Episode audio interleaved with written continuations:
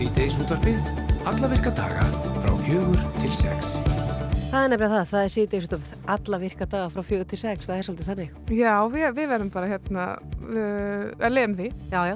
Uh, hérna, já, við uh, ætlum að fara yfir ímislegt í dag. Já, og við erum hér umsjóna með þáttarins Guðrúndi Semstóttir og Júlia Margret Einarstóttir og það er eitt og annað og við ætlum meðal annars að þreyfa á jólabókun. Já, sko, það er náttúrulega ekki vaka en það þýðir líka það að það er farða vetra og við erum farin að nálgast jólinn. Ég veit að þetta er sjokk fyrir marga, fólk er ekki alveg eins og það er ekki allir tilbúinir í það að þessi ástumi sé að renna upp. En það er svo margt gaman við það, meðal annars náttúrulega jólabóka flóðið sem er hafið og við ætlum með þetta aðeins að hvað er þreyfa á því. Já. Já, flott, já. Má, ekki segja það? Mér finnst það, það bara mjög já. Við ætlum að fá til okkar hérna par sem eru bæði með bóki ár, þau Bergþóra Snæpistóttur og Braga Pál Sigurðarsson er rítöfunda sambandið eins og værilega hægt að kalla þau. Mm -hmm. Og þau eru bæði nefnilega, já, þau eru með bækur um, sem heita Kjöt og Duft og þau ætla að koma og segja okkur frá þessum nýju bókum sinnum og einhverju útgáðu parti sem þau ætla að blást til. Já, og svo er stór dagur í dag fyrir ferðarþjónustu á Norður og Östurlandi því að uh, núna lendi fyrsta flugvel EasyJet á Akureyra-flugvelli og hóf þar með vikulegt áallunaflug í vetur og það voru um 100 farþegareldi sem að koma með þessari vél og þetta mun bara breyta vantarlega fórsendum fyrir heilsásferðarþjónustu á þessu svæði og bara hér á landi Þannig að þetta eru góða fréttir og við ætlum að heyra á eftir íni Arniði Jóhannsdóttur, hún er frangatustjóri Markastofu Norrlands og uh, ég ræða þessa, þessi stóru tíðindi við hana. Já, bara London kallar og Akureyri svarar. E, Misbreyði nýju, þetta er samstagsverkefni á milli annarsás nefnda Listháskóla Íslands í Fatahönnun og Fatasöfnuna Rauðakross Íslands og hérna eru sko nefnendur að hanna og vinna fatalínu upp úr nótum fatna og textíl sem að Rauðakross nútveðar og nefnendur fræðast í gegnum hönnunaferðlið um skaðsemi fjölda framlegslu sem við hefum mikið talað um hér og möguleika á nöðsinn þess að nýta þau ráefni sem eignur þegar til staðar. Og námskeiðinu líkur með eitthvað svona herleirinnar tísku síningu á fymtudaginn Við ætlum að fá til okkar tvo nefnendur, Arnar Frey Hjartarsson og Írisi Ólarsdóttur sem er að meðal þáttakandi og þau ætla að segja okkur frá þessum samtaki hvernig þau gengið. Svo er uh, já líka stórdagur dag vegna þess að íslenska hverjarlagsliðið í fókbalta mæti Þýskalandi í þjóðatildin í kvöld og uh, íslenska liðið á harmaða hefna eftir stórtapp. Það er leiðild að segja að það er stórtapp gegn þjóðverjum. Ídra og leikurinn hefst klukkan 19 að sjálfsögðu hér á Rúf og við ætlum að spá í spilin og hita upp fyrir leikin og eftir með okkar eina sanna Gunnar Byrkis í Þjóttarfrættamanni. Já, það þýðir nú ekkert að hérna, fólk verður nú að jafna sig á þessu skúfelsi, sko, þýsku stelpunar eru náttúrulega einar af bestu í heimi ef ekki bestars. En við eigum alveg róðið þar og við ætlum að fylgjast með þessum og morgun 1. november þá er alþjóðadagur grænkera eða World Vegan Day sem er bara um allan heim. Og að því tilefni verður slegið eitthvað glæsilegt pálínubóð og kaffehúsinu bókasamleginu skipaldi og þá verður líka aðfendi kvartningavellun samtaka grænkera á Íslandi og allir voða velkomnir sem að eru með eitthvað vegan fyrir leðborðið. Valger Átnardóttir formaður samtakana ætlar að segja okkur frá þessu. En við ætlum að byrja á máli málana sem að er rekjavakan eins og við komum inn á hérna áðan. Eh, núna setni part inn þá eru margar littlar eh, og óhugnarlegar verur, Mjög. líka stórar verur að fara á stjáum borg og bíi tilefnið rekjavakunni og það eru heilu hverfin sem að taka sér saman og skreita og skipilegja rekjavakugöngur og einn þeirra sem að staðið hefur í stórraðum á rekjaveikunni síðustu ár er Ína Dögg Eithórsdóttir og hún er búsett í Vestubænum og hún er á línu hjá okkur. Kondur sæl og blessuð Ína. Sæl og blessaðar. Eh, Ína, elskar þú rekjaveikuna? Mætti segja það. Já, mér finnst þetta alveg gjössalega frábær hátíð. Sérstaklega þetta er svona hverfishátíð. Já. Og gaman að þessu hittu krakkana og nákvæmna og þetta er einhvern veginn bara eflir svona svolítið samfélagi hverju hverfis fyrir sig, finnst mér. En hvernig er málum svona hátt að þínu heimili? Er það skreita húsið og er allir komin í búning? Sko við nú, vorum þegar bönnum voru yngri að skreittuðum ekki inni, en svo hefur þetta smá saman fæst út fyrir. Þannig að við tökum gardin alveg í nefið og skemmtum okkur konunglega við það og svo að sjálfsögðu fara allir í búninga og þessi yngri fara og sníkja namni að meðan að þessi eldra heimilin eru meiri því að hræða það sem kom í heimsók. Já, En Ína, hvenar byrjuðu þið á þessu? Því að nú er þetta ekkert eitthvað sérstaklega, þetta er þetta gamal siður en það er ekkert svo langt síðan að við fórum að taka virkan þátt í þessu. Nei, sko, við, við byrjuðum, við vil eiginlega gefa hérna, skærja fyrir því svolítið heiðurinn af að byrja með þetta. Þegar börnum mín voru í leikskóla þá tókum við stundu þátt í svona smá hverfishátt í það þeim, þar sem þau voru að ganga svona í hús út í skærja fyrir því. En svo fyrir, ætla sér ekki komin að verða tíu ár síðan, nýju, tíu ár síðan, að þá tók ég mig til og hugsaði, nei, nú vil ég fá þetta í mitt hverfi hérna við hliðin á skólanum. Og við töluðum svona við leikskólan og skólana og hengdum upp miða og gengum í hús hérna nokkra vinkonunar og bara byrjuðum og það var bara rosa góð þáttakar strax fyrsta árið.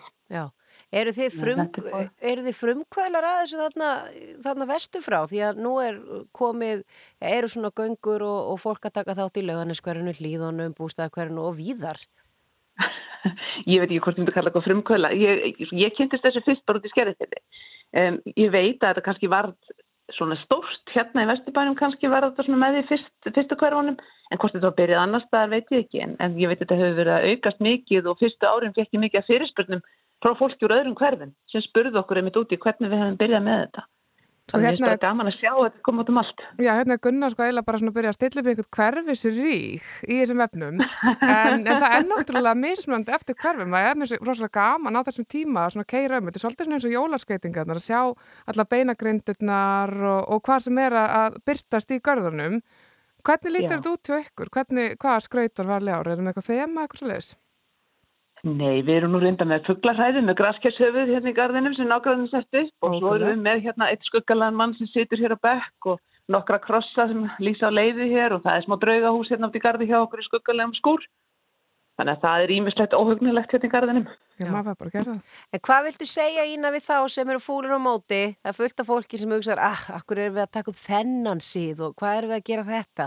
Hvað viltu segja við þá? Er þetta ekki bara rosalega skemmtilegt og eigum við ekki bara að fagna alltaf þegar við getum?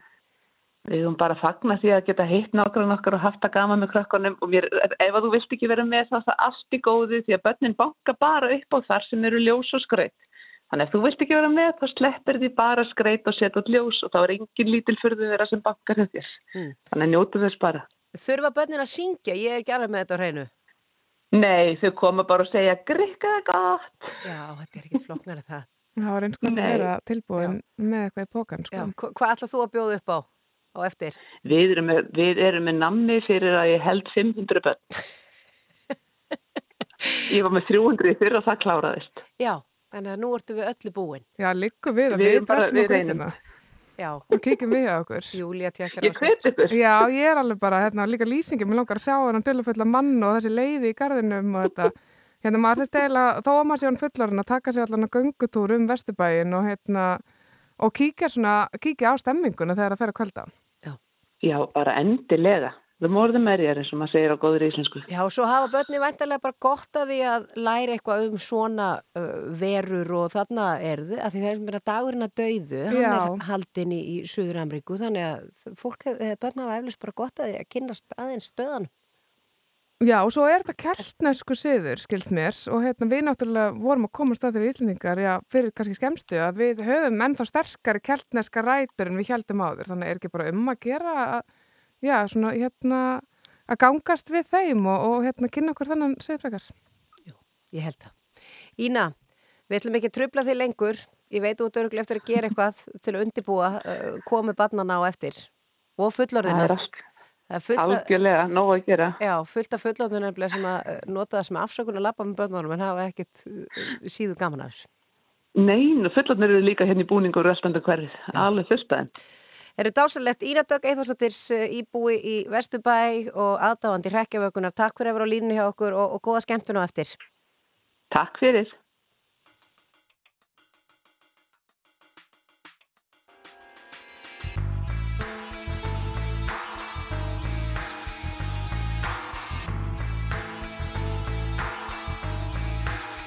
Og síðan hittumst við aftur á mér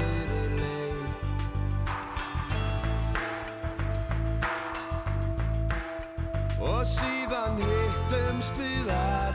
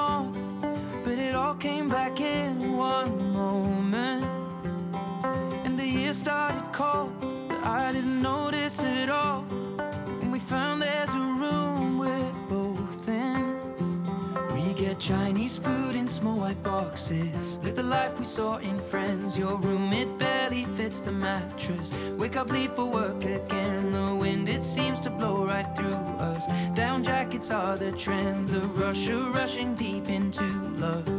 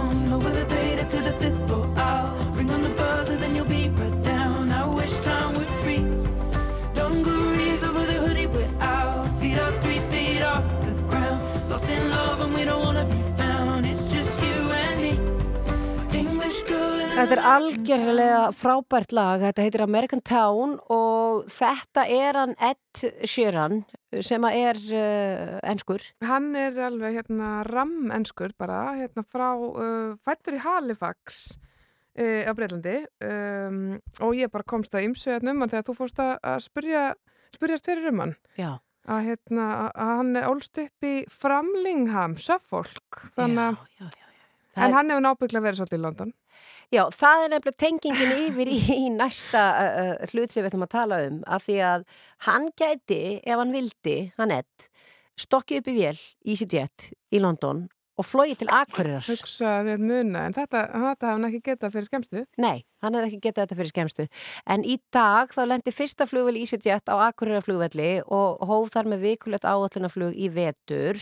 Uh, um hundra farþegar komum með fyrsta áallunafluginu frá London og það var að tekja á móti þessum fyrstu farþegum við hátilega aðtöfnu á Akureyra-flugvelli og þetta er risastór áfangi sem að mun vafa lítið breyta öllum fórsendum fyrir heilsásferðarþjónustu á Norður og Östurlandi og þar veit ég að ein manneskja er sammála þessari fulliringu og það er hún Arnheður Jóhannsdóttir Frankóttatjóri Markastofu Norrlands. Kondur sæl og blessuð Arnheður? Sæl og blessuð. Jú, hjertanlega sammála. Já, þetta er stór áfangi í sögu ferðarþjónustunar. Já, núna erum við að fá ísitjættinga tviðsverju viku sem er eitthvað sem við erum búin að vera að vinna að síðan 2011 og gengið á ymsi á leiðinni en þetta kemur inn á tíma þar sem að nýting er e, dræm. Við erum með mikla ástíðaseflu ennþá hérna fyrir norðan í ferðarþjónustunni en nú sjáum við fram á að við getum verið að sjá kannski hérna fyrir 80-50 þúsund gistinættur á þessum tímabili, þessum 5 mánuða tímabili sem ísitjættir að fljúa og, og það bara breytir öllu. Já, hvernig verða þeir sem sagt með vetrar áætlun? Þeir fljú ekki að sömrin heldur bara fimm mánuði í senn? Já, núna er búið að setja bara veturinn og síðan verður tekinn staðan til að sjá hvernig nýtingin verður á þessum tímabilum áður en að lengra er haldið. Já. Og þetta er rauninni draumurinn okkar að byrja að vetri uh, vegna þess að sumarn eru orðin vel nýtt hjá okkur og, og miklu miklulega fyrir okkur að nýta þessa fjárfæstingu sem er til staðar á svæðinu og stendur að megninu til tómi yfir vetratímum. Þannig að þetta er algjört draumaverkefni. Það er náttúrulega fátt ásanleira heldur en Norrland svona hérna af yfir vetratíman og í kringum jólinu svona. Er þetta ekki svolítið svona skýðafólk og svona sem er að koma? Jú, þetta er, uh, þetta er eitthvað skýðafólki sem er að koma. Uh, það er nú bara stór, stór skýðaklubur starfandi í London, þá maður sjá nú kannski ekki endilega fyrir sér breyta mikið á skýðum, en þá er fólk að koma að hinga til þess að taka svona skýðið og náttúruna. Og breytani koma að hinga mest til þess að sækja í Norðurlósi.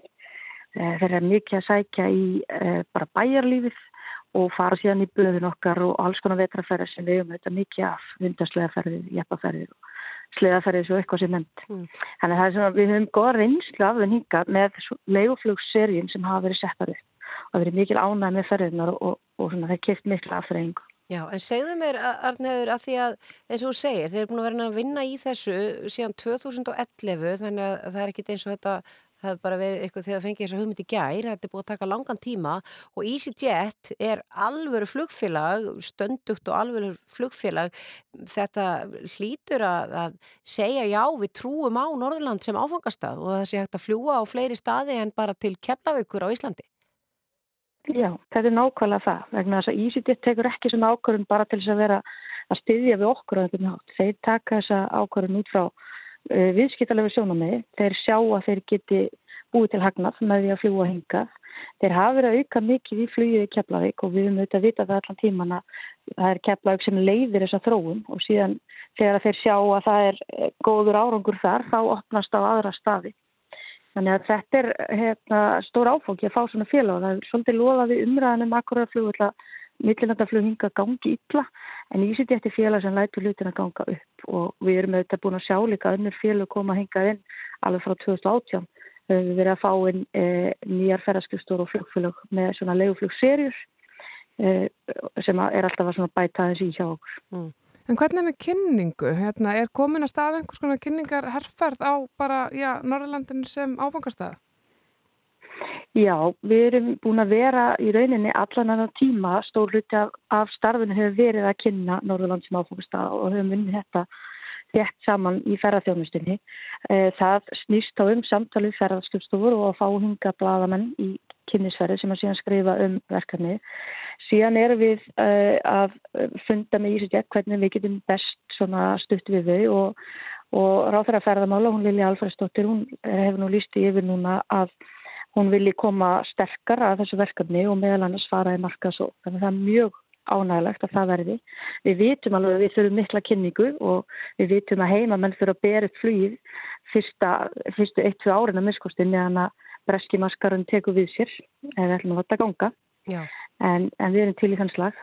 En taland um það, er þið ekki bjarsinn á það að fólk á Norður og Östurlandi muni nýta þetta flug hvort sem það er á leiðinu til Breitlands eða hvort sem það ætla bara að taka þaðan síðan tengiflug eitthvað lengra?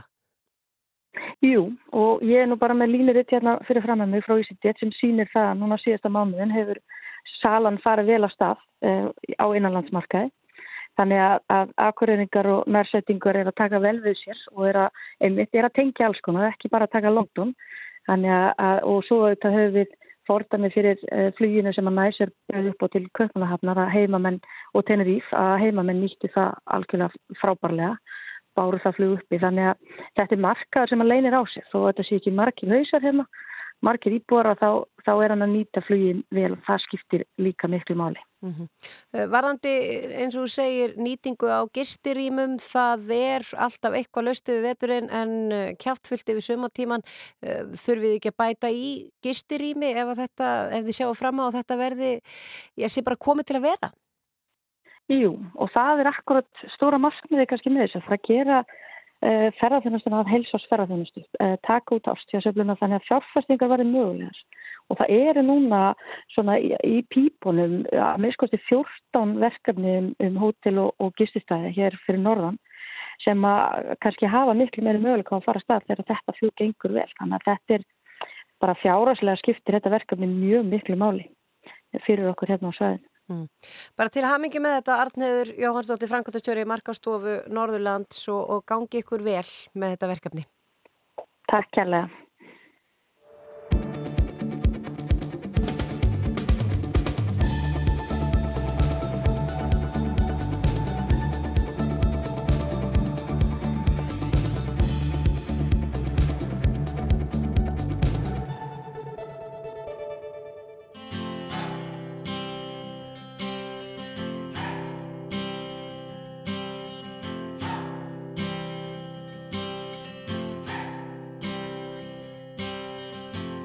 I've been trying to do it right.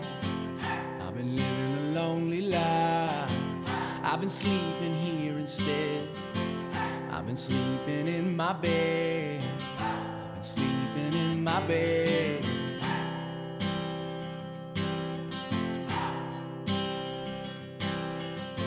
So show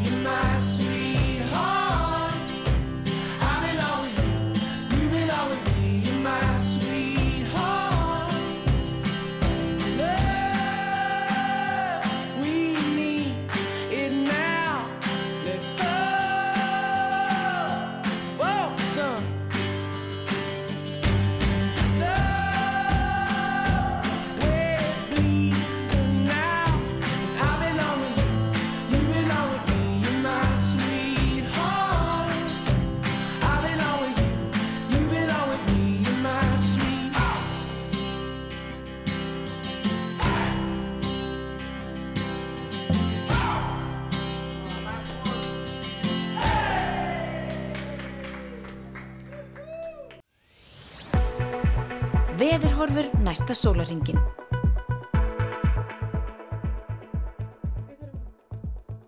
Við þurfum að rýta til veðus. Ég byrjaði bara að kveikja á vittur sem hljónema hérna, Júlía, en þetta er komið. Já, þú er svo spennt alltaf við, við veðrinu og hérna, það er náttúrulega undra. Nei, það er eitthvað, uh, ég veit ekki, það er eitthvað út á landi element í mér. Uh, ég verð að vita hvernig veðrið er alltaf. Ég er ekki að segja það sé þannig hjá öllum út á landi, en Nei, það er eitthvað, kannski, já, við höfum farið yfir þetta, miða við uppvöxtinn og, og, og það, því ég já, er já, sveit og svona. Já, þú ert nú svona sveitastelpa og ég, já, þú hefur kent mér ímislegt uh, og ég veist ég held að þú hefur bara svolítið smita mig af svona, af þessari veður ást eða veður áhuga.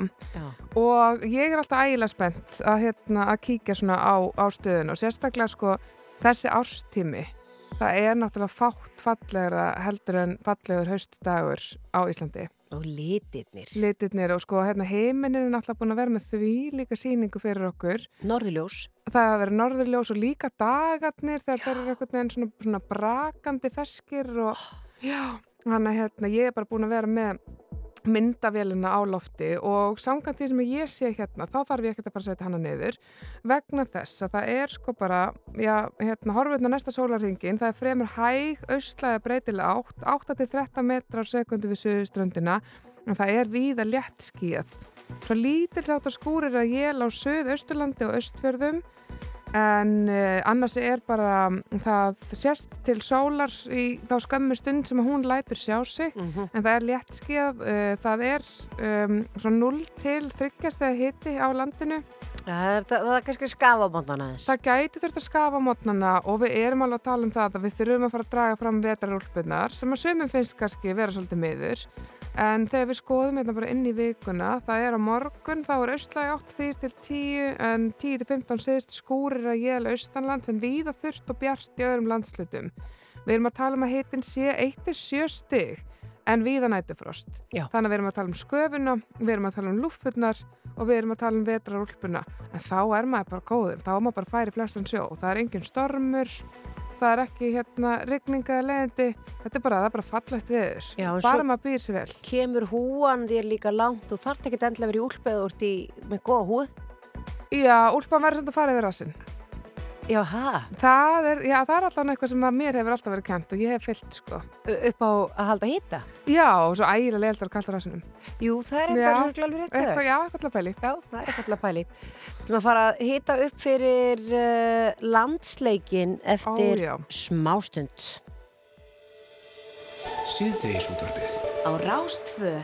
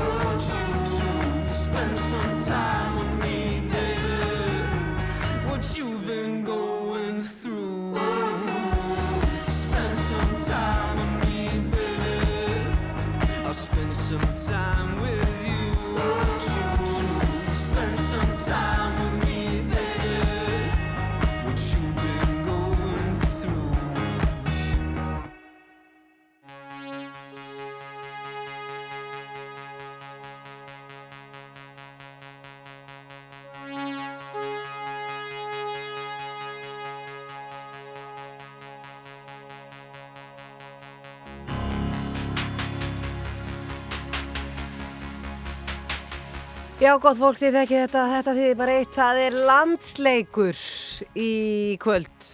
Já, væntanlega, hérna, og spennan er, að, er sannarlega að magnast, allavega hérna inni á okkur, enda, hérna, enda er við miklar byllur, eða hvað, hvernig erst þú Gunnardís? Fylgistu mikið með fótboltan? Ég er stemningskona, ég, Já, fyrst og fremst. það skiptir engum máli hvaða mót er í gangi, ég er stemningskona, ég horfa allt og dýrka þetta. Já, Það er bara, já, ástæða til að safna sama fyrir fram á sjónvarpið eða fara á við völlin nýtum þess, við nýtum okkur Að þess. sjálfsögðu, að sjálfsögðu.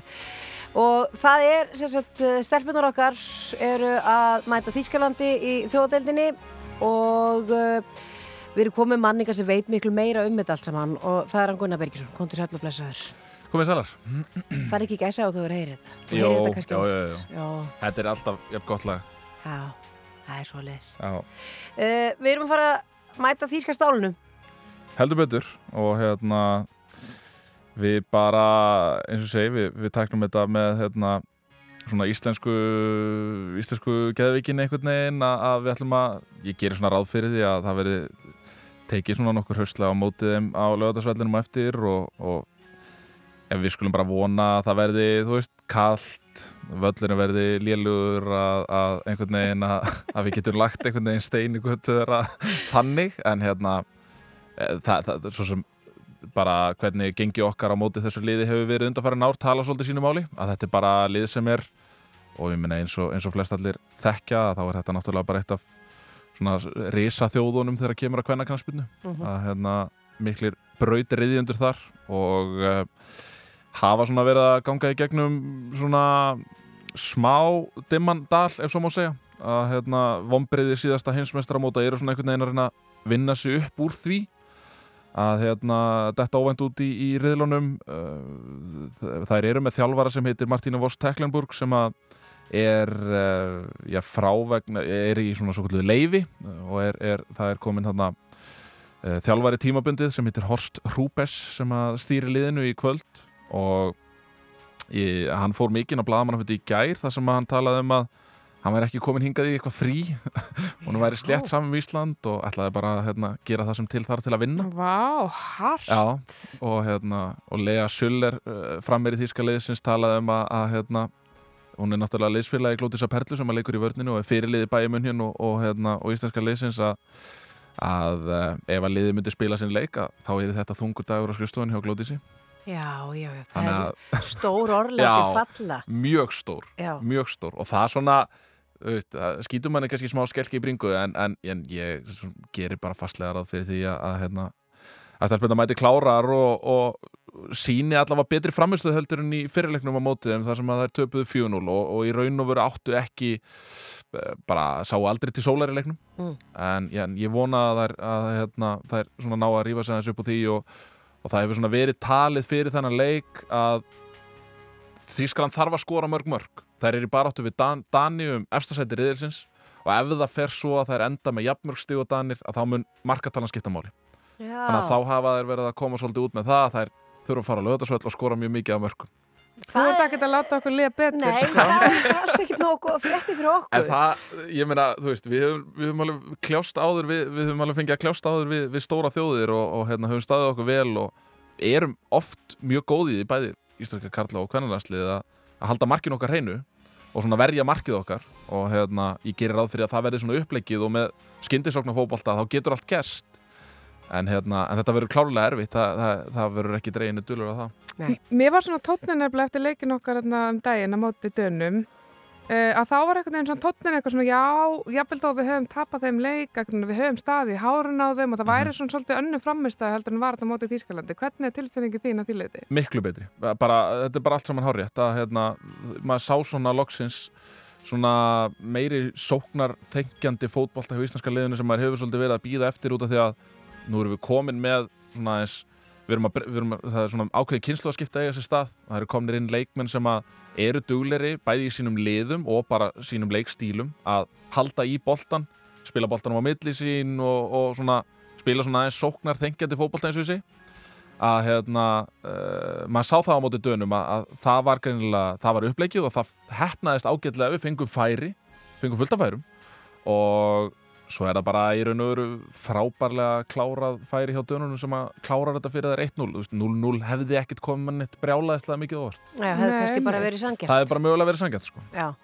en aðeins að öðru, það er, uh, Messi var að fá guttboltan eða ekki? Jú, í áttunda skiptið í gær uh, fekk hann uh, gullboltan Það er uh, ekki allir sáttið við það? Nei og uh, Normenn til dæmis, ekki uh, Nei, skiljanlega. Erling Haaland átti svona að, það, það sem næst kemst í að eiga fullkomið tímabil þar að segja kannski ekki á HM ári uh, vinnu þrennuna með Master City skorar þarna einhver skriljón mörk í, í, 50, leik- í 60 leikjum eða eitthvað og gerir raun og veru bara veist, á að gera nóg til þess að vinna þetta í, í tíu skipt af tíu sko. Mm en uh, þetta er á HM ári og Lionel Messi mögulega í sinum hinsta dans á heimsmeistaramóti.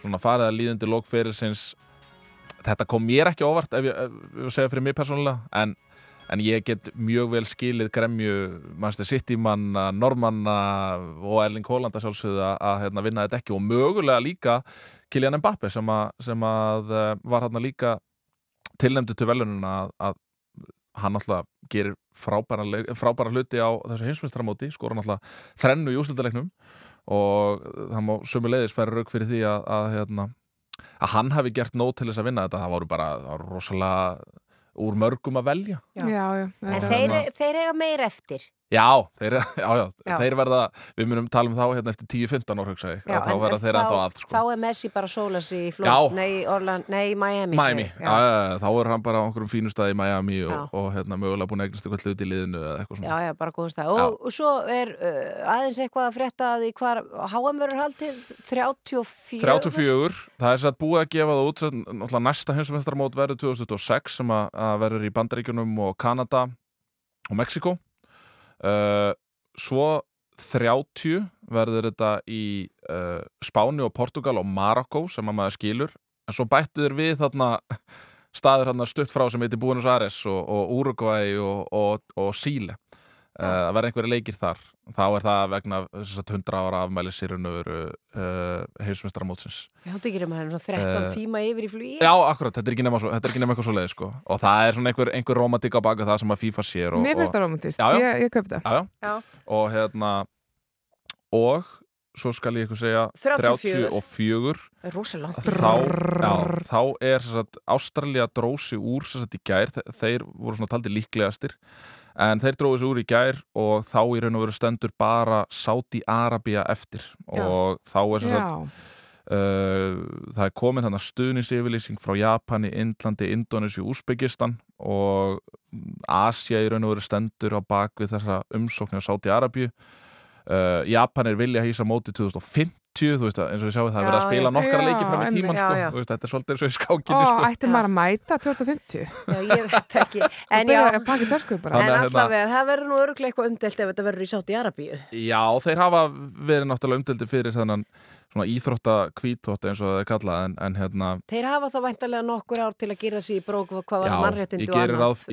ég gerir ráð fyrir því en það, sko svona, með því að þetta er haldið þarna mögulega þá erum við aftur að tala um það að mögulega verður þetta að vetri til uh, þar að segja í, í desembermánuði sem að verður bara að segja nákvæmlega eins og það er að, að það hefnaðist bara mjög vel var núna síðast í desember. Og að sama skapi, þú veist, nú er bara að tala um íþrótta hlið mótsins en að hafa þetta allt saman á sama stað þarna í Katar eins og gerist núna það sem er bara kílómetr á milli allra valla það verður líka að gefa þeim það það hefnaðist fullkomlega. Auðvilda gerist þetta í kjölfar alls konar mannréttinda harmleiks og annað slíkt en, en hvað var það síðasta mót? Það held ég að verið rosalega erfitt að toppa heimsmeistaramóti í Katar og þá eins og sé enn og aftur tekundir að þá er ég bara að tala um fótboltalega hlutan og svona einhvern veginn hvar vellinir eru staðsettir og, og svona aðgengi fyrir stuðnismenn og annað slíkt að þetta bara stórkostlegt mót sko þannig að eins og þú segir að ef að sátarnir ná aðeins að, að gera sér í bróka að hérna, þá held ég að þetta getur orðið mjög flott mót hjá þeim. Já, kannski lítið líka á þetta sem tækifæri til að gera sig brók. En Akkurat. það var svolítið svona, svona einhvern veginn fannst manni hljóðið í þegar þetta var þetta í Katar. Akkurat, En við segjum áfram Ísland. Já, það getur svo sannlega og e, allir séu einhverju miðar eftir á völlin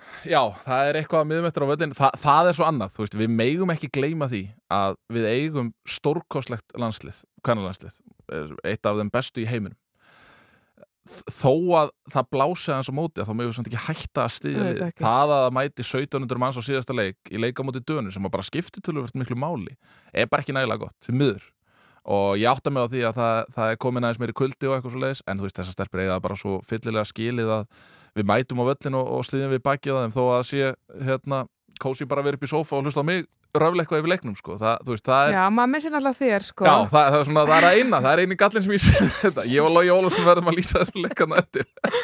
En já, við þurfum að gera okkur í brók mæta betur. á völlin, Heldur það er betur. fallett veður úti er þetta að klæða þetta allt saman af sig og, og fara með teppi Lópapeysan, úlpan, teppið, maður hefur engar ásakanlegur. kakó, en annars eh, er stofan klukkan 18.30 á rúf og svo hefst hann klukkan 19 þar sem að, já, Gunnar og, og Lýsa sannarlega. já, en við bara hvetjum, segjum bara áfram Ísland. Takk, takk fyrir að koma.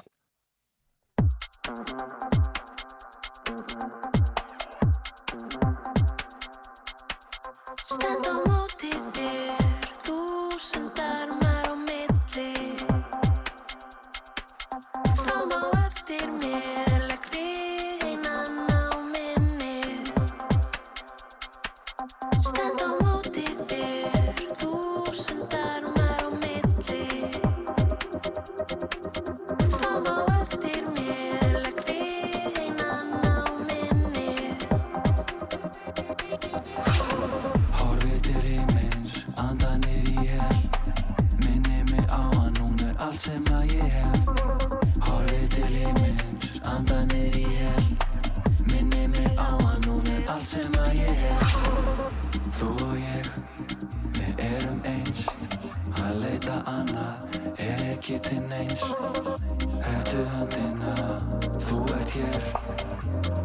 sína þér alltaf sem ég er. Þú og ég, við erum eins. Að leita annað er ekki til eins Hættu höndina, þú ert hér? Ég skal sína þér alltaf sem ég er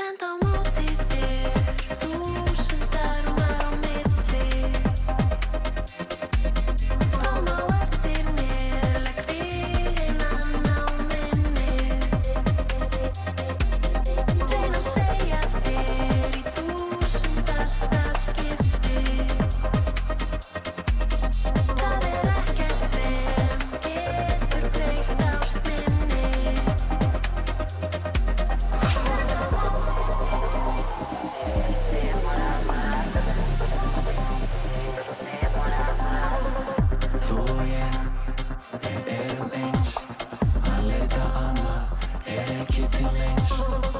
Hættu höndina, þú ert hér. Ég skal sína þér alltaf sem ég er. Stend á móti þér, þúsund armar á milli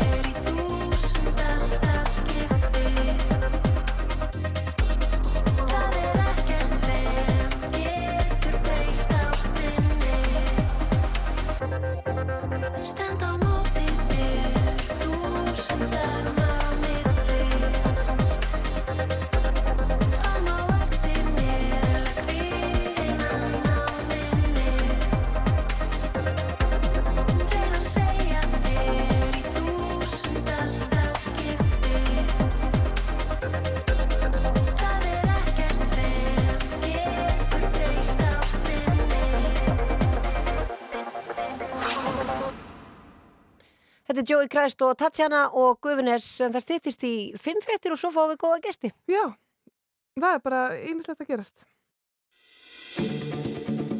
Þú ert að hlusta á síðdeis útvarpið Á Rástvö Jólabækurnar eru byrjar að flæða en það er þessi ástími svona að renna upp og það eru bara svona glóðu volgar, það er ljóðabækur, fræðibækur, skáldsögur, þetta er alltaf að lenda í hillum um, hérna bókabúðana og það er alveg ljóst að margar muni rata jólapakkan í ár.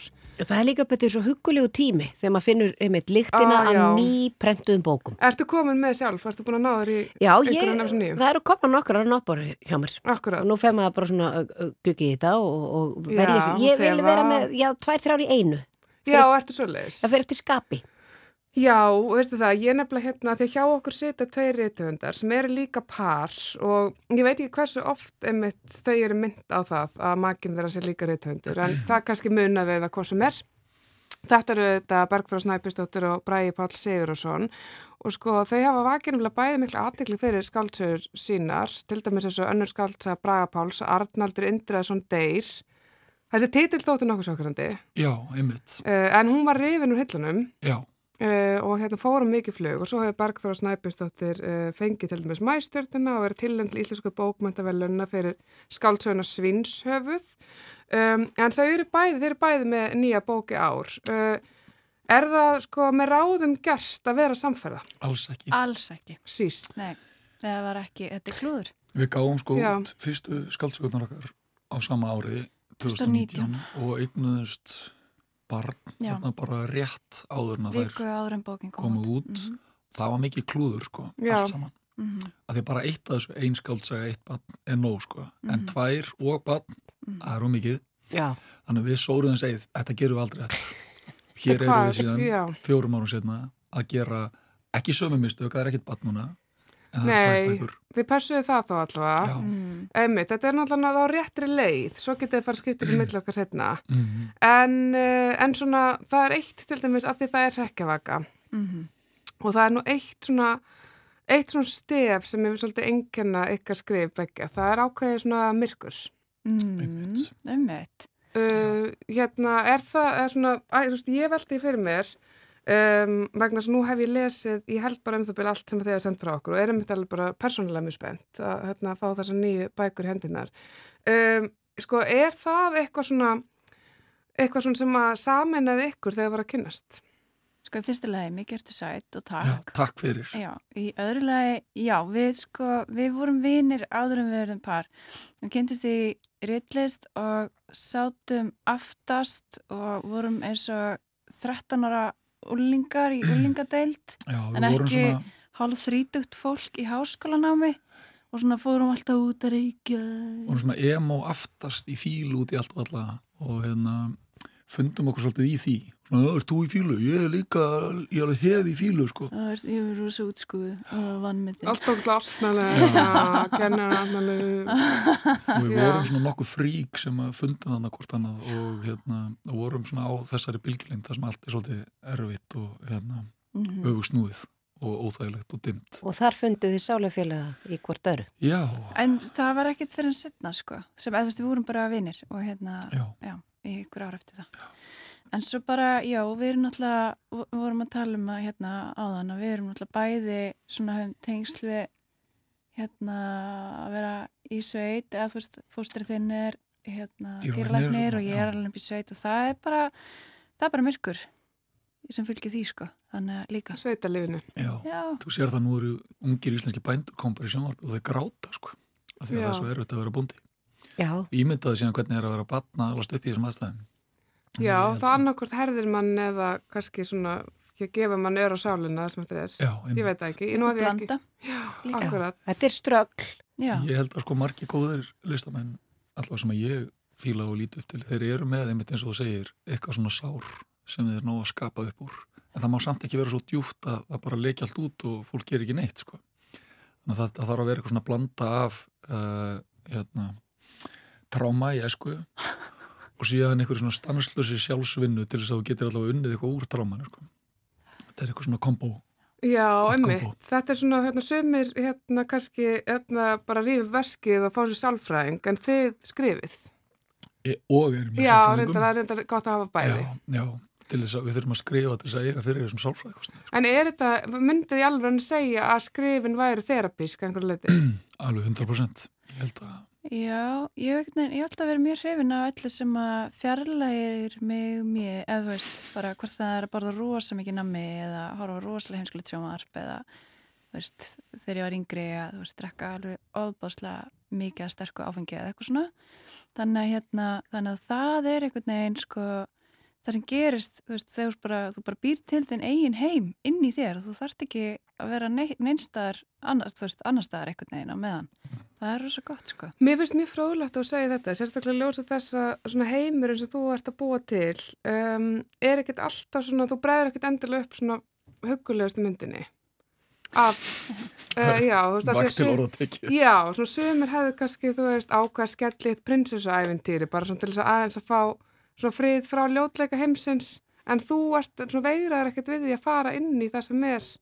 Nei, en það er kannski líka, þú veist, það er ekki endilega að mín heimsinn sé eitthvað allt sé ömulegt og allir sé hræðileg, það er ekki það, heldur meira bara svona þessi þörfverður en skilja heiminn og til að geta einhvern veginn fungerað í honum að þá vera að uh, vinna úr honum með þessum hætti og reyna að skilja okkur fólk gera það sem það gerir og svona. Og hérna, já. Og já, Þetta er úrvinnsla. Já Og hvað gerist þegar þú stingur á okkar kýli? Það kemur bara gröftur út úr því. Já, það kemur eitthvað út. Það er það sem að, Já. það er það sem að okkar verk Ertu eru. ert að kalla verkin okkar gröft? Þau eru bara gröftur. Ómæntalugur gröftur. Þetta er, þetta er hugulegt. Það er, það er ennþá smá í kvöldmatt, þannig að þetta er allt í lega Mm, já, um ok. gröft. Já, En, en þið eru, en þess eins og Júlia segir, það er ákveðið myrkur sem að einkennir verk ykkar, er þið haldið ykkur væntalega á, á þeirri bylgjulengt í þessum rítum? Sko ég held svona bæði og, mér finnst sko þessi nýja bók mín vera svona, hún fer aðeins öðri sig að hlutunum sko. Um, ég er að fá mjög, ég hafði mjög mikla ánægi af því að skrifa personar í henni að því að þær eru mjög ólíka mér einhvern veginn sem að mér finnst alltaf mjög skemmtilegt. En samt náttúrulega með einhver svona element sem ég hef ekki, þú veist, er með inn í mér en þú er ekki að fá útrásfyrir en það er, þú veist, ég lefi þeim að gera það einhvern veginn um, þannig að já, mér finnst hún svona kannski aðeins léttari, aðeins skemmtilegri Getið þið kannski stuttlega bara sagt hérna hlustendum frá uh, nýju bókunum? Fyrir þú? Já, bókinina Bergþóru, hún, hún snýst um, nei, á ég lýsa minni. Já. Já, Já, hérna. þú ræður. Hún heitir, sem sagt, skaldsaga mín heitir Kjöt og fjallar um eh, myndlistamann sem að, hérna, var svona vinsall og stór uh, á sínum yngri árum en hefur síðan dopnað og horfið úr almennri umræðu og uh, er í samvinnu við sinn galleríist að reyna að koma sér aftur í uh, almenna umræðu með því að gera eitt svona loka svakalegt gjörningalistaverk. Já. Uh, já. Spennandi. Já. Hún er svakaleg sko. Já, ég vona það. Já, uh, já dyft er, þetta er diftsöfnuð fallega fólksins og fjallar um uh, líf verunöku sem fær þetta hræðilega væmna nafn frá hérna mömmu sinni, sem skýr hana. Og hún er dóttir mjög ríkra hérna uh, líkasrættafrömmuða á Íslandi á nýjunda áratögnum og segir frá sérst hennar uppeldi annarsögur og svo hvernig hún endar í svona hálgerðum svona söfniði, sértrósöfniði með manni sem að á vítamínverksmiðu á Tenerife og kalla sig prins. Vá. Vá, þarna, það, þú- það er farin víðan þarna. Já. þetta er öruglega kveiki mjög mörgum sem er að hlusta. Já, ég finn alveg allan hérna að... Kjöt og duft. Já, það kveiknar allan í okkur hérna. Já. E, eru bækunar lendar? Er, Já. strax, Já. er það hlaup út í búð? Þeir getur fælt bara núnd í búð. til dæmis í pennanum Eymundsson í Össastræti það er heilt törn af duft Já, það er svona- törn og dufti. duftturn, Mm. Og svona skaparönd af já, með svona sportrönd Já. af bókinni minni í turninum En fallegt og viðandi. finnst þetta svolítið góð svona samflétta og, En þið ætla að vera fagna, er það ekki? Verður ekki útgáfa hóf og svona? jú, mikið rétt, á fimmtudaginn Já. á lofthostel maður er alltaf svolítið stress að ég sko, ég vil helst aldrei halda ein útgáðahóf af því ég, mér lýður sér að halda upp á ammali mitt sem ég geri ekki bara síðan að ég var einhvern veginn lítil og var alltaf ófært í ammali mitt eða eitthvað og núna er ég bara svona sannfærð um að hérna, að það mæti enginn allt, þú veist, þannig að maður er alltaf svolítið svona á, vondi kemur einhver Já, en þið eru tvö. Já, Nú erum við tvö. Þannig að ef að þetta er eitthvað niðurlægandi þá væri því niðurlægingun saman. Saman. Ekki að ég hafi nokkra ágjör því, en það er allir gott að vita. Um, Þetta er bara frábært. Við séum bara góða skemmtur á fimmtudaginn. Eh, Allir velkonni vantarlega. Svo velkomnir, bara Já. endilega bókstælega, nema, nema kannski mannætur og barnaneyðingar Já. Ok, en að mannættur og batnaníkar sem eru að hlusta vinsalega verði annar staðar á fyndarskvöld. Já, Fymtdægin klukkan 5 á loftastöl Mhm. og Bræði svona röddlaus, ekki að þeir með COVID, nei, hann var að öskra svo ógislega mikið í gæra því hann var að taka æfingu með punk uh, jólalaga hljómsveitinu sinni. sem að mun semst spila Stíg á stokk. Já, Já. Herðu, það ef eru að, nokkrir velvaldir Já, hver veit innanborðs. nema við um eftir að reyna að fá okkur til að taka lagi hérna í sítið fyrir jólinn. Ha, þetta er Við spennandi. erum sko fremsta jólalaga punksveit landsins, getur Já. sættir herðu, við, þarna, þau sem ekki trúa þessu, það er bara fyndudags uh, eftirmiddagur á loft. Takk æðislega fyrir að koma, kæru höfundateir. Takk. Takk fyrir okkur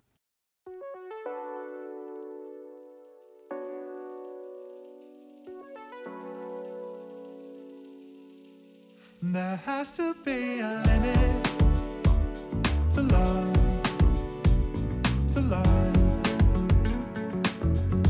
Oh, there's got to be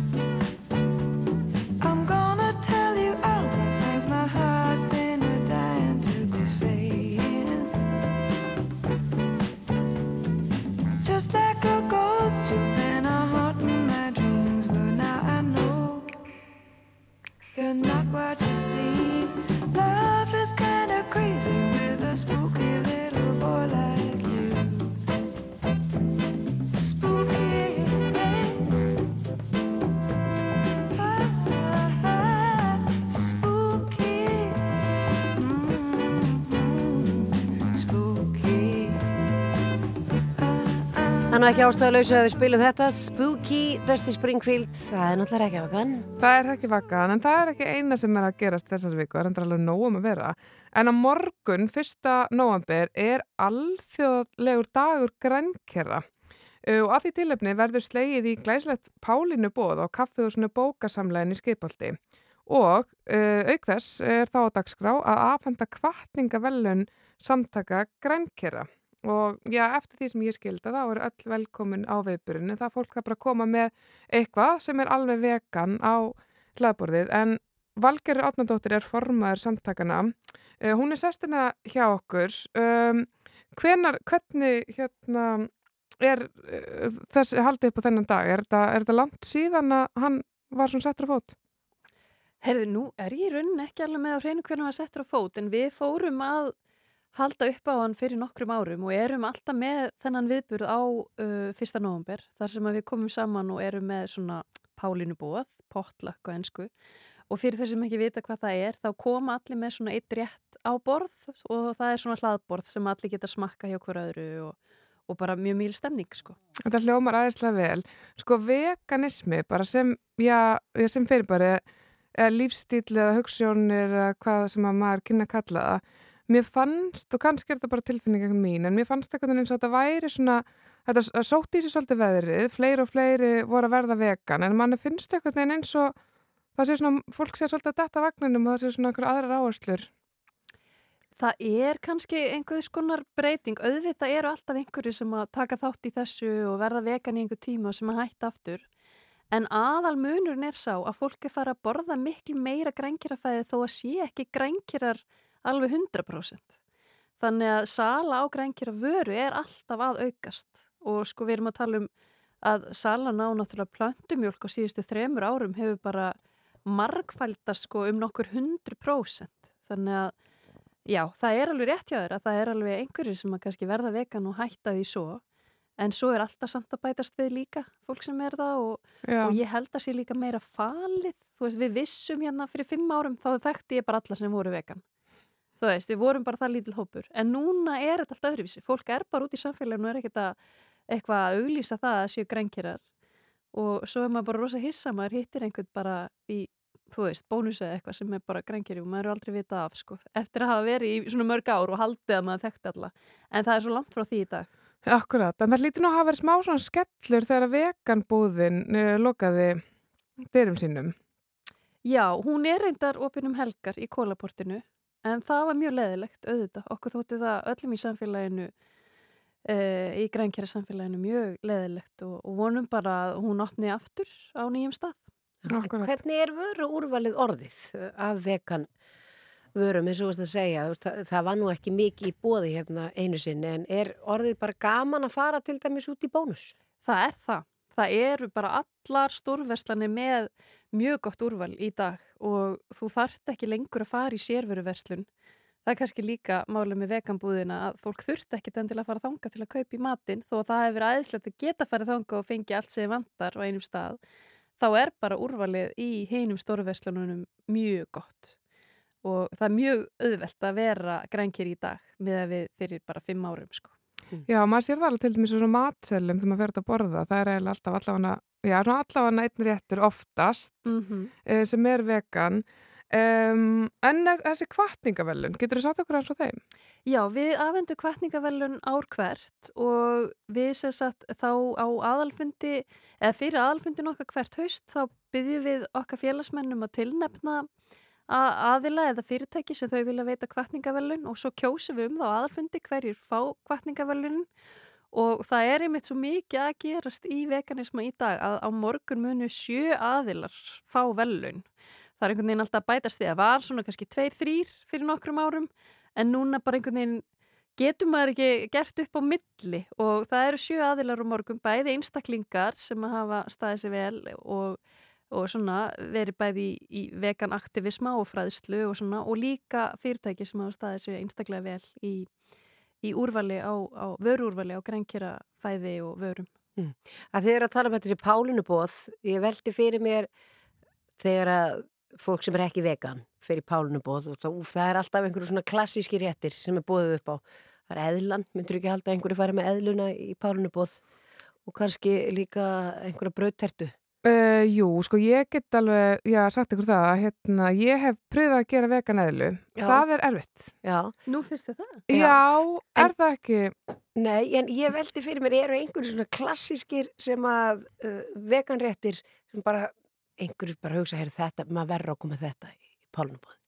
Já, það er, sko, eð, það er fólk sem kemur með eðlur, eðlur. það- já. En hummus er náttúrulega mjög vinsælt. Já, það er alltaf komið með hummus. Það er alltaf einhver sem bara sker niður græmund og kemur hummus, en það er mjög einfalt að koma með það ef maður hefur ekki mikið tíma. Og, já, hvað ætla ég að segja annað? Jú, eiginlega, sko, eiginlega alltaf einhver sem kemur með, hérna, súkulaði köku. Þú veist, það er Ó, klassík já. að vera með súkulaði köku. Það er Og, klassík. Hérna, En, en í eðlunni, hvað, hvað er það noti í staði fyrir eins og ostin? bara veganost. Bara vegan? Svona, já, það er eiginlega best að nota svona niðurskorin veganost sem maður notar á pizzu líka uh, og svo er þarna rjómaostur frá Oatly, ég er ekki á mála hjá Oatly, bara teka fram en mjög veist það bara bestur. Já, já. Þannig að það er bara salsa og rjómaostur frá Oatly og svo bara strámaður hérna svona mozzarella veganosti yfir. Já, og heyri það, Júli, það er ekkert mál að gera vegan eðlu. Nei, sko ég nefnilega var alltaf í vandræði með að finna hérna uh, vegan ost sem að bráðna almennlega Mhm. en það er kannski, já, er búið að ráða eitthvað, bóta á þessu. Já, það er allavega ég get gefið nokkur Já, merki. ég fæ áður en þú ferð hérna, hérna út Nú veit en ég veit ég ég, hvað maður vera með mikla auglýsingar í útarpinu. en þá fæ ég smá lista hérna hjá þér. En hvað ætlað þú að koma með? ætlað þú að bæta einhverju á og laborið? Uh, já, ég er reyndar ekki búin að ákveða hvaða verður uh, en ég mun elda eitthvað næs og koma með. Er Svona, eða baka eitthvað, mér finnst mjög gaman að baka. Þannig að, Huggulegt. já. Ég er að verða svolítið mikið svöng. Já, ég líka. Þetta orðið svo gyrnilegar umræður. En hvað segir, hvar fer þetta fram, hvert að mæta? Þetta er í bókasamlæginu í Skipolti 19 á morgun. Uh, það eru allir velkomnir, líka þau sem að vilja bara pröfa. Þetta er náttúrulega mjög góðu staður ef þú ert svona að taka þín fyrstu skref í veganisma til þess að koma og smakka alls konar. Mhm. Uh, eina skilir þið er að þú komi með eitthvað sjálf sem er vegan og hérna það er náttúrulega bara að googla uppskriftir og, og það er að veganvæða flest. Það er meira þess að til í mitt bröðtertur sem eru vegan og Já, og fólk á ekki að veira sig við þessu, það hendi bara í hummus, kaupir hummus og, og, og gefur með gúrkur eða eitthvað með. Já, það er sko, ég, það er að fá vegan hangikjöt, það er að fá vegan kalkun, sko, það er, er að fá vegan allt. Þetta er Já. aðeinslegt. Og maður getur alveg ímyndað sér að það verði, já, bara margt á bóðstólunum og það var líka fróðilegt að fylgjast með því hver fá kvartningavelunin í ár. Já, ég gef ekkit upp núna en það verður örgulega skemmtilegt að fylgjast með því og, og þetta er líka bara alltaf mjög svona fjölskylduvæn og skemmtileg stund sem við eigum og góð, góðu staði til að mæta þegar svona nýr í þessu. Einmitt. Valgerður Átnadóttir, bara takk fyrir að koma til okkar og segja ykkur frá þessu og bara góða skemmtun á morgun í bókasamlæðinu. Takk fyrir sem er leiðis.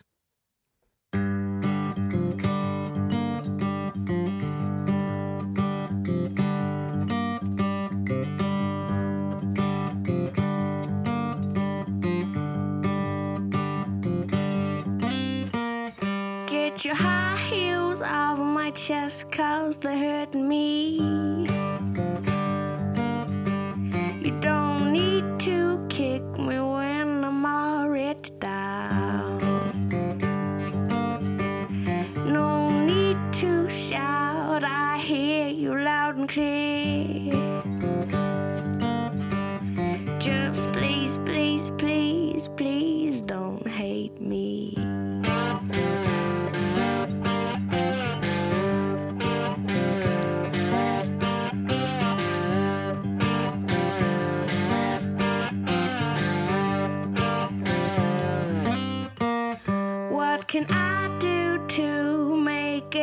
Nothing right. I've tried my best, but now this is way too much. I can bake, I can bleed, I can even make you weep. But just please, please, please, please don't hate me.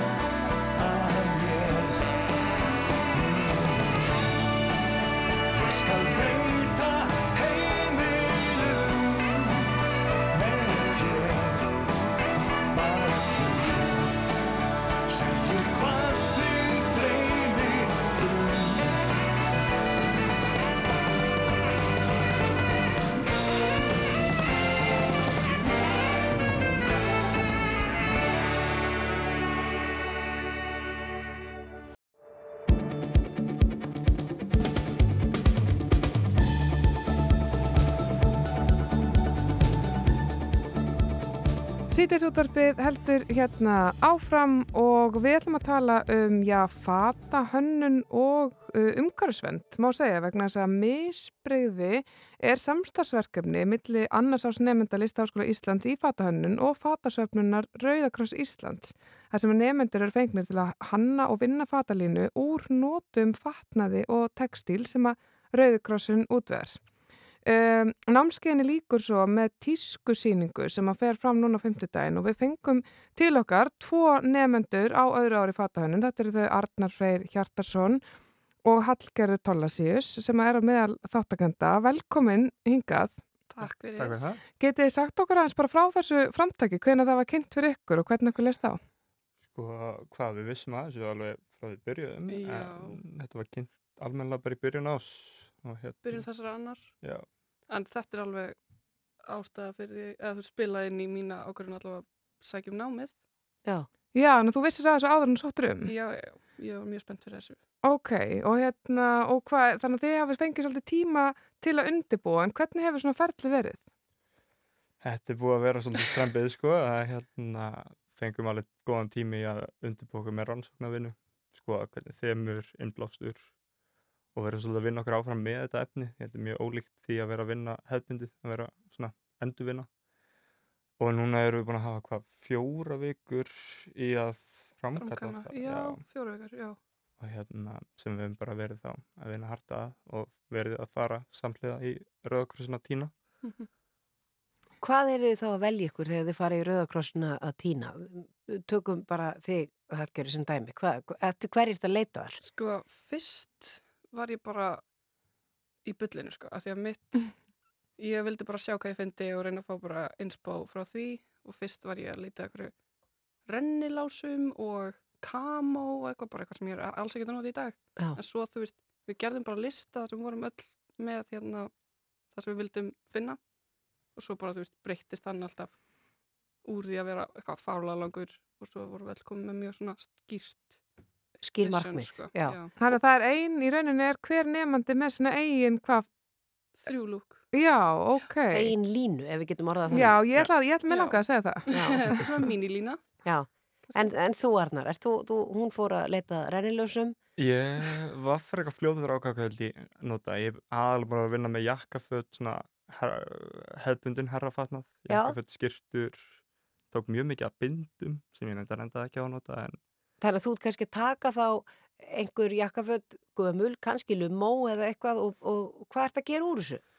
Já, það er ímis, sko, við erum búin að vera, ég er búin að vera svolítið að eh, reyna að snúa upp að þau, vera aðeins að svona afmynda, mætti segja. Mhm. Þú veist, aðeins að breyta þessum hefðbunda búning sem var markmiðið frá upphafi.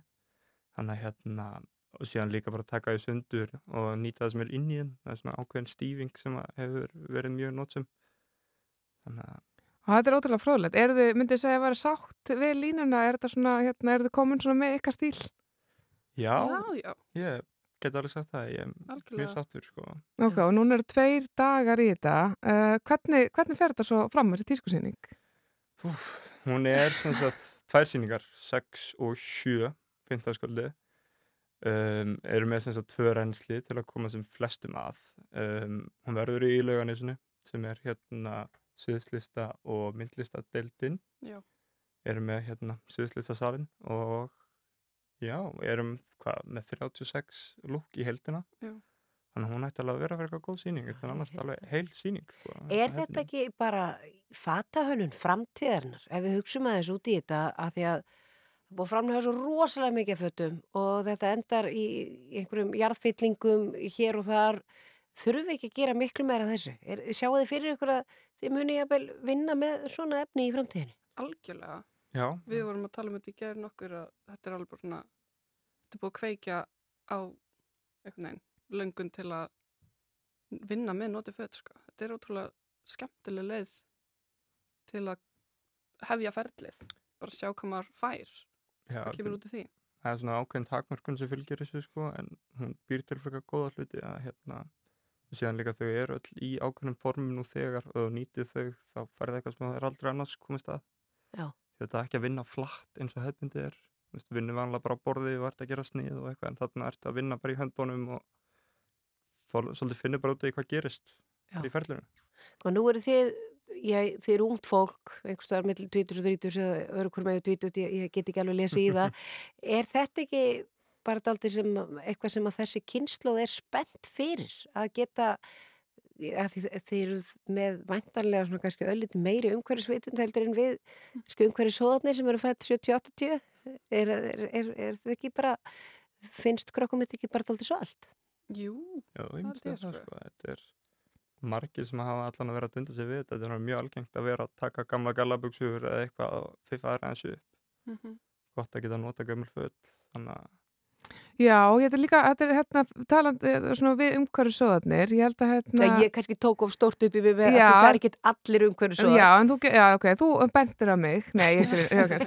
nei hérna, En ég er bara að tala um, við, við kannski vorum minna velta Já, hlutum fyrir akkurat. okkur á þessum aldri. Já, og þess vegna er svo ótrúlega frábært að hafa þetta unga fólkið að leiðenda og líka bara fyrir okkur hérna, þegar við erum að versla okkur föt í framtíðinu það er svo miklu betra að geta gert það með góður samvinskuðu. Mm.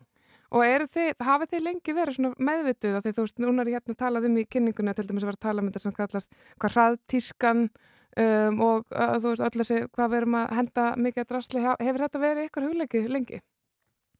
Já, Já, já. svo sem sko, um, ég var allan alltaf pælt ég bara að eiga föt sem lengst fyrir að koma minna og betra. Já, kaupa vandað. Já, Já, ég kaupi svolítið mikið notað og oftar notað en ég notaði alveg en það er mjög mjög gaman að já, Já, En þú notar þau þetta og Já, búin já. með þau og þannig að það er bara flott. Já, maður á að gera það. Já, en þetta er, já, ég myndi segja að þetta var jákvæmt, því að þetta líka uh, gerir það að verkum að maður, með svona kannski, maður sé framtíð í fötunum sem maður gefur meðal annars til Rauðakrossins. Já, akkurat. Þannig að maður getur, hérna, manni getur liðið vel með að tróða bókum þarna inn og, og, og kannski óska þess að það sé einhver svona flott fólk eins og þið að, að veiði þetta fram og, og gera eitthvað flott út úr þessu. Mhm. Já, misbreyði, það er alltaf að sjá þetta allt saman á fimmtudaginn. Eru öll velkomin að koma að horfa?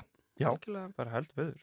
uppselt klukkan 7 en eitthvað laust allavega Já, klukkan 6. meðasal á TIX fríi miðar en bara takmarka magt sem að komast inn en annars verður við líka með þetta í beinu streymi á Instagram hjá listafaskólanum. Já. Þannig fyrir þau sem að missa af, uh, það er að fara um text.is eða hérna bara finna listaháskólan á Instagram. Já. Hallgerður Tólasíus og Arna Freyr Hjertarsson, takk fyrir komin og gangi ykkur vel á fimmtudaginn. Og í. Takk það. Já, Takk í það. við hlökkum til að fylgjast með ykkur.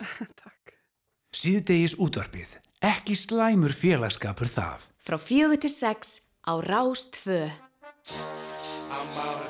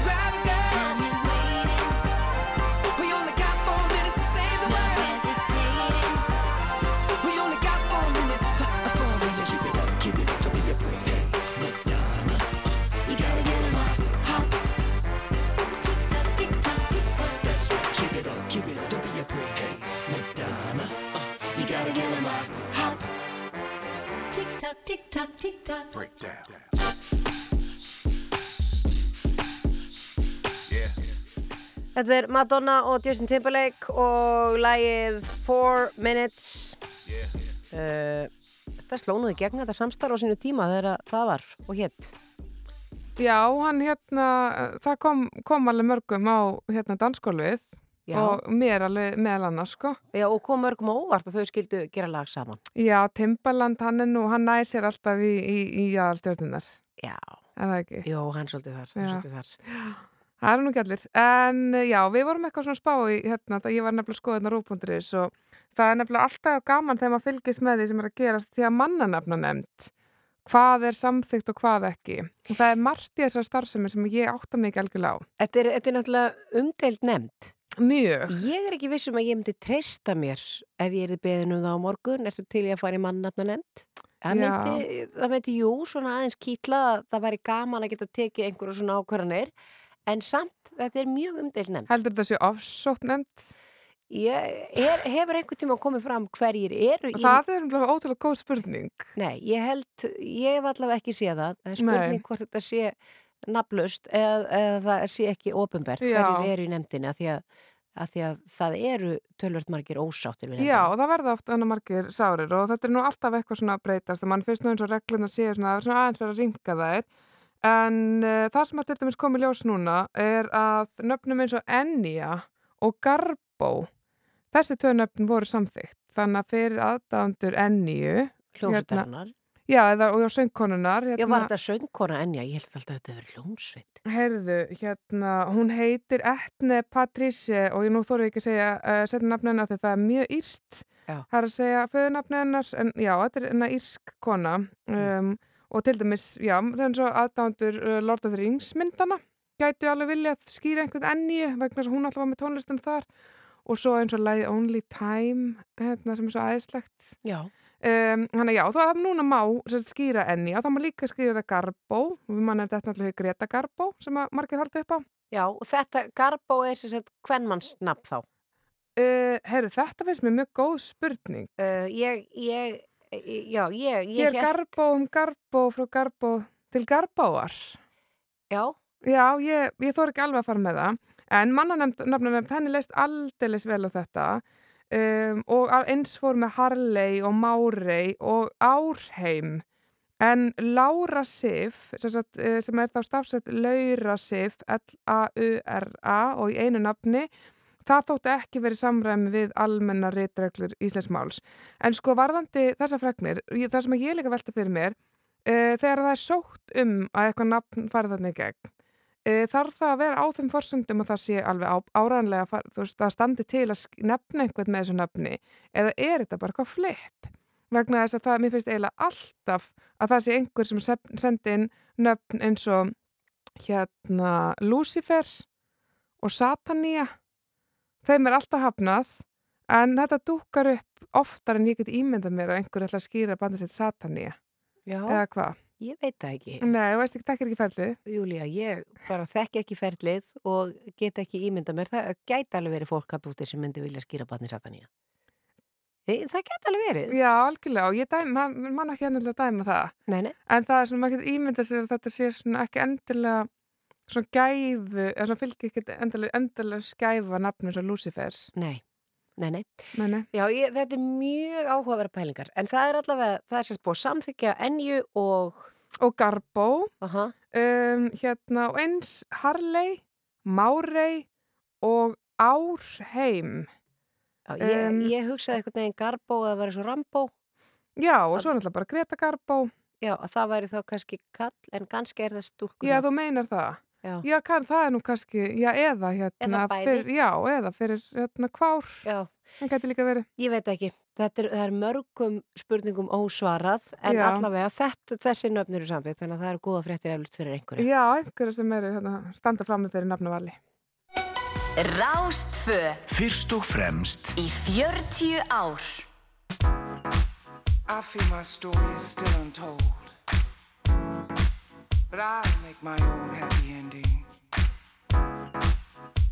I guess I'd rather be alone than making do amending. I think maybe I've outgrown this old town. I see you almost every day. And every time I turn around, our love is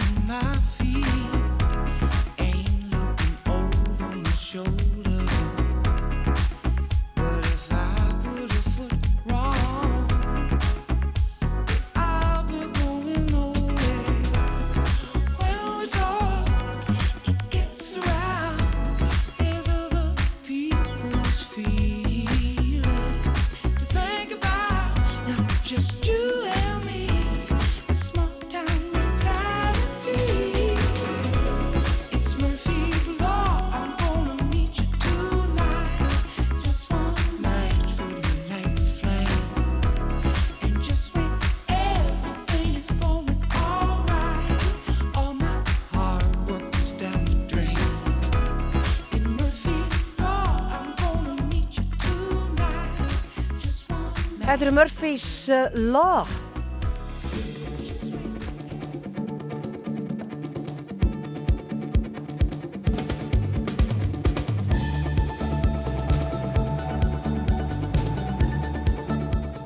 Það bara að koma að loka við okkur, Júlía. Það er komað að lókum hjá okkur, enda er orðið tímabært að fara ég að skella, ég veit ekki með vegan eðlu en allavega kannski að fara að poppa á svona því að það styttist náttúrulega í landsleik. Það stýttist í landsleik og við ætlum að byggja alla að fara valega að nóti. Það eru litlar verur uh, á röstinu í skamdeginu þannig að í Guðsbænum uh, farið valega. Og bara heilsið upp að það verði góðið þótt að séu draugar og vampýrur og, og uppvakningar og, og allar þessar kynja verur. Já.